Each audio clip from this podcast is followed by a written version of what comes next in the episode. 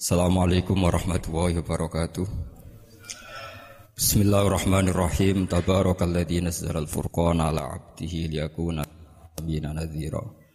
Allahumma ala sayyidina Muhammadin wa ala alihi wa sahbihi wa sallim asmain nama ba'du. Yang kita hormati bersama Syekhina Murabbi Ruhina Kiai Maimun Zubair wa ahli baiti.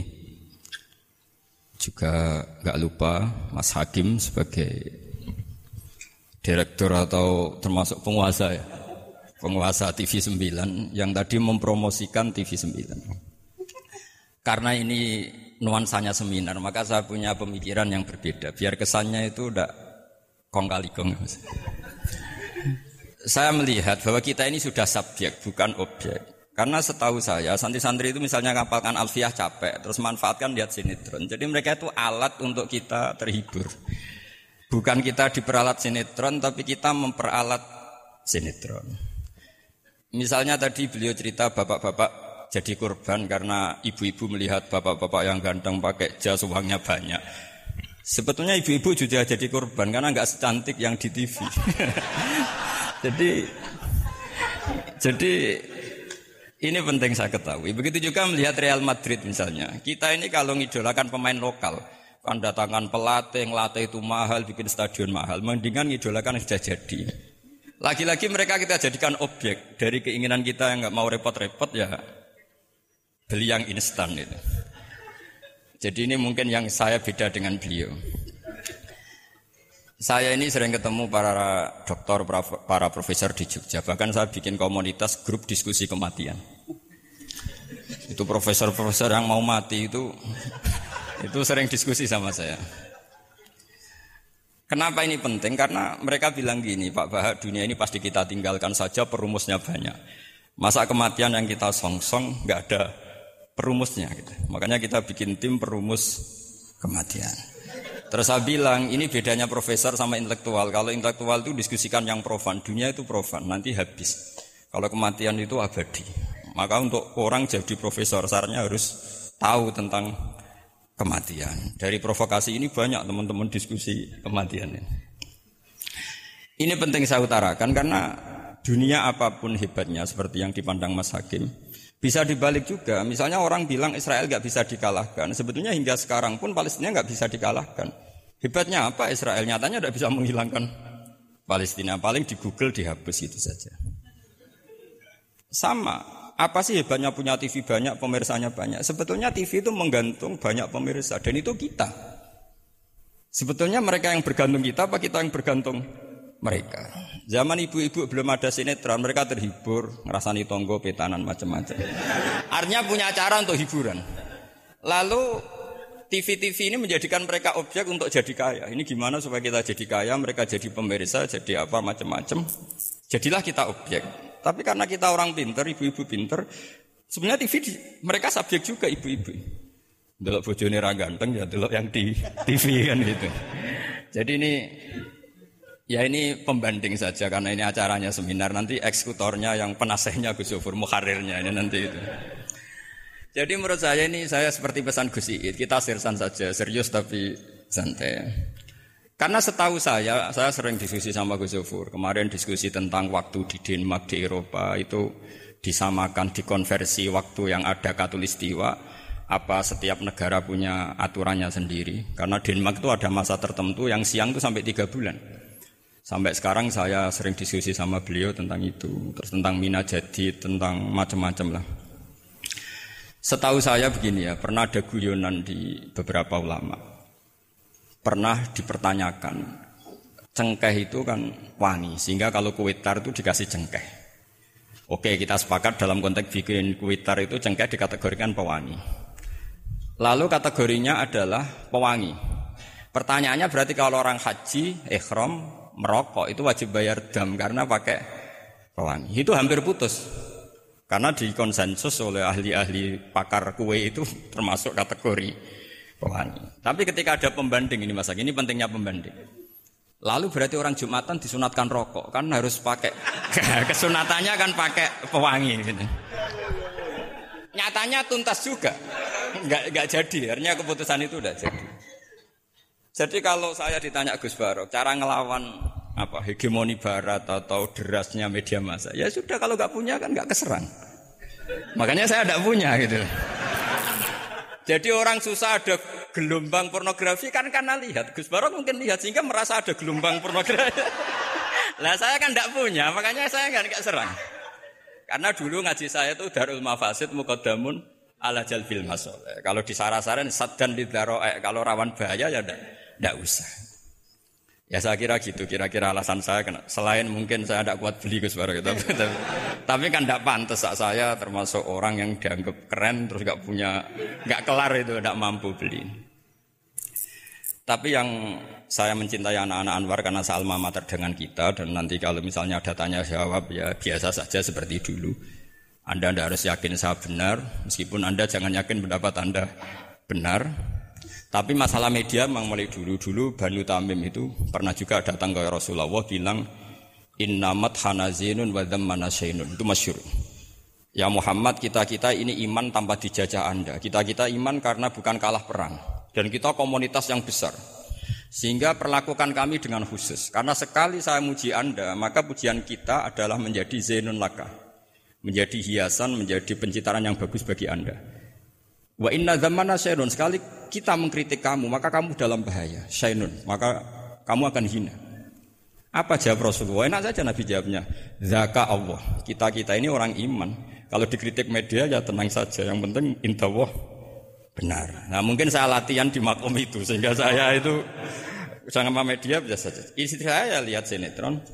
Setahu saya gitu. Bersumpek gitu, delok dunia gitu. Buran delok sinetron.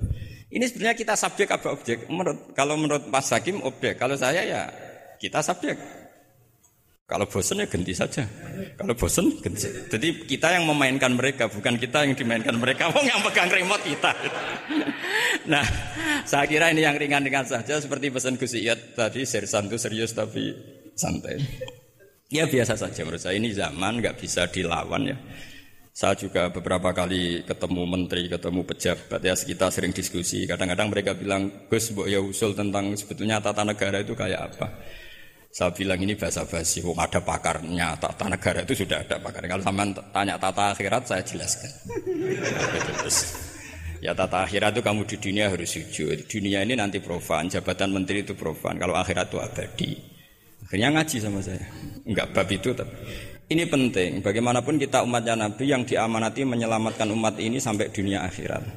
Kalau yang di dunia sudah ada spesialis ya kita terima. Bagaimanapun orang Islam itu kalau bisa ya di dunia asana. Tapi yang sudah agak-agak berKTP akhirat kayak saya jangan dipaksa. ini penting ya karena memang ayatnya wafil akhirati hasanah. Gitu. Jadi kita tidak boleh hanya bicara kompetisi antar TV macam-macam. Kalau antar program pengajian mau saya karena itu. Ya saya kira demikian ini penting ya pembanding itu. Karena saya punya cerita ya, betapa Rasulullah Shallallahu Alaihi Wasallam ini sangat-sangat akademik ya.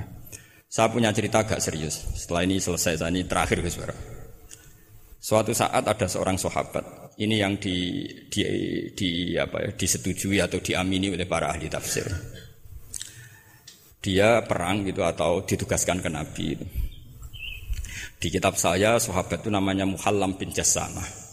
Saya nggak tahu kalau nama itu di kitab Anda karena beda kitab namanya beda. Dulu itu kalau saya jago Tisen kok Tisen kalah, oh di TV saya Tisen menang gitu. Tapi semenjak ada real time katanya nggak mungkin nanti. Kalau Tisen menang ya menang semua. Tapi kalau kitab itu beda. Di ayat Ida darabtum fi sabilillahi fatabayanu itu. Kemudian Muhallam bin Jasama ini membunuh satu orang. Di kitab saya namanya itu Amir bin Atbad. Setelah dibunuh, padahal orang ini setelah terdesak melafatkan la ilaha illallah Muhammadur Rasulullah. Uh, dalihnya ini kan tentang informasi juga ya ini kaitannya masih informasi saya bukan menyempal dari tema ditanya sama Rasulullah kenapa kamu tetap bunuh padahal dia sudah melafatkan la ilaha illallah kata dia inama qolaha muta'awidan dia melafatkan itu karena muta'awidan saja ingin berlindung dari serangan kita Kata Nabi masih Nabi masih ya Nabi itu kan nggak mudah terpancing emosi. Halah syakok ta'an batnik. Buat kamu bedel ya atau kamu bedah lah. Hatinya isinya kayak apa. Si si mulaham tadi masih balik loh. Ya Rasulullah, Lau syakak tubat nahu akun tu a'lamu ma. Kalau saya bedah apa saya terus tahu apa isi hatinya? Kata Nabi, ya kamu tetap nggak tahu meskipun kamu bedah hatinya kamu tetap nggak tahu. Kenapa engkau nyuruh bedah ya Rasulullah? Wong akhirnya saya tetap nggak nggak tahu. Unik jawabannya Nabi itu. Makanya kamu itu sembrono sekali, ngawur sekali kamu. Fala anta ta'lamu ma fi qalbi wala anta takbalu mata kalamabi. Kamu itu orang aneh. Tahu hatinya ndak akan tahu, tapi menerima omongan yang dohir juga gak mau. Terus mau kamu apa? Gitu. Kemudian orang ini itu dianggap punya kesalahan besar. Satu bantah Nabi dan membunuh orang sing talafadhu di kalimati la ilaha illallah. Akhirnya ketika dimakamkan tuh lafadhatul ardu. Apa dimuntahkan oleh bumi sampai tiga kali. Terus Rasulullah ngendikan innal ardo takbalu man huwa syarrun minhu walakin wa adzakum alla ta'udu. Sebetulnya bumi itu sering menampung orang yang lebih jelek ketimbang dia. Kita tahu dulu bumi yang nangkung Namrud macam-macam lah, Abu Jahal, Abu Lahab. Tapi kenapa ini jadi begini, nggak diterima bumi? Karena Allah wa'adzukum Allah ta'ud. Allah memberi nasihat supaya kamu tidak mengulang. Artinya begini teman-teman santri ya, dalam menerima informasi itu ada hal-hal yang butuh kita sikapi. Ada yang enggak. Enggak misalnya gini. Masalah talafut di kalimat syahadat, di kalimat syahadat. Itu siapa pun yang melafatkan harus kita terima karena ini kalimat sakral. Bahkan ketika terdesak, yaitu masyur itu dalam cerita sebagian kitab Usama bin Zaid itu pernah membunuh orang padahal sudah talafadhu bisyahadatin. Itu sama Nabi disalah-salahkan. Padahal kata Usama, tapi dia sudah memotong tangan kita, kaki kita. Masa pas kita punya kesempatan tidak boleh bunuh ya Rasulullah? Kata Rasulullah tetap saja ngendikan kaifa tasna'u ilahil wahida ja'at yaumal qiyamah. Terus begitu. Nah ini kalau dalam ilmu tafsir atau ilmu hadis disebut kebenaran absolutisme. Sehingga ada hadis mangkola la ilaha illallah dakhalal jannah wa inzana wa insaroko. Kalau di bab fikih informasi itu bisa kita terima kalau mukhbirnya itu adil. Datanya valid. Tapi khusus kalimat syahadat itu tidak wa inzana wa insaroko harus kita terima. Sehingga kita tidak pernah mengkafirkan orang fasik. Misalnya lonte ditanya Tuhan siapa ya Allah. Rektor Al Azhar jawabnya ya Allah. Ketua MUI ya jawabnya ya. Jangan karena misalnya copet bilang Tuhan itu Allah terus MUI bilang wah saya tak jawab yang lain lah nanti sama gitu. Nah, saya pernah ditanya sama dosen di Jogja, Pak Bahak kenapa ada kata wa in zana wa in saroko? Kesannya itu Islam membolehkan zina. Terus saya bilang ini contoh absolutisme kebenaran. Jadi kalau kebenaran itu absolut, kita terima dari siapa saja. Tukang becak ngomong dapat dua, tambah dua ya empat. Lonte bilang empat, pakar matematika empat, rektor UGM nanti ya bilang empat. Sama. Lain-lain itu kalimat yang absolut. Sehingga di TV misalnya, apa pun TV Yahudi atau TV Nasrani, kalau programnya itu benar menerangkan kebenaran, meskipun mereka niatnya bisnis, tapi kalau kalimat itu kalimat yang benar ya mau tidak mau kita terima. Terus kedua, ada informasi yang kita sikapi dalam suasana genting. Kayak zaman perang Uhud, ada isu bahwa Rasulullah itu kutilah, dibunuh. Kemudian ini melemahkan Eh, para orang Ansor dan Muhajirin atau Muhajirin dan Ansor. Terus kata Rasulullah, Umar, ajibu, kamu harus menjawab bahwa saya masih. Akhirnya Umar berteriak keras bahwa Rasulullah itu masih hidup. Ini contoh-contoh informasi yang secepatnya harus di, uh, dijawab. Terus ketiga, informasi yang nggak penting dijawab karena memang sudah hoax, sudah sampah. Misalnya gini, orang melihat di TV infotainment itu nggak pernah yakin kok benar apa enggak Ibu-ibu itu butuh hiburan melupakan suaminya, utangnya, macam-macamnya. Makanya saya bilang, ibu-ibu ini subjek bukan objek, objek.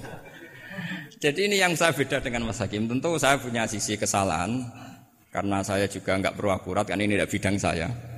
Tapi cukup jadi pembanding karena ini menyangkut harga diri Mas Hakim. Kesannya kalau kalau kita objek kan kita ini kayak orang bodoh yang diatur-atur gitu. Tapi kalau subjek kan keren gitu karena keren. Ya saya kira demikian. Assalamualaikum warahmatullahi wabarakatuh.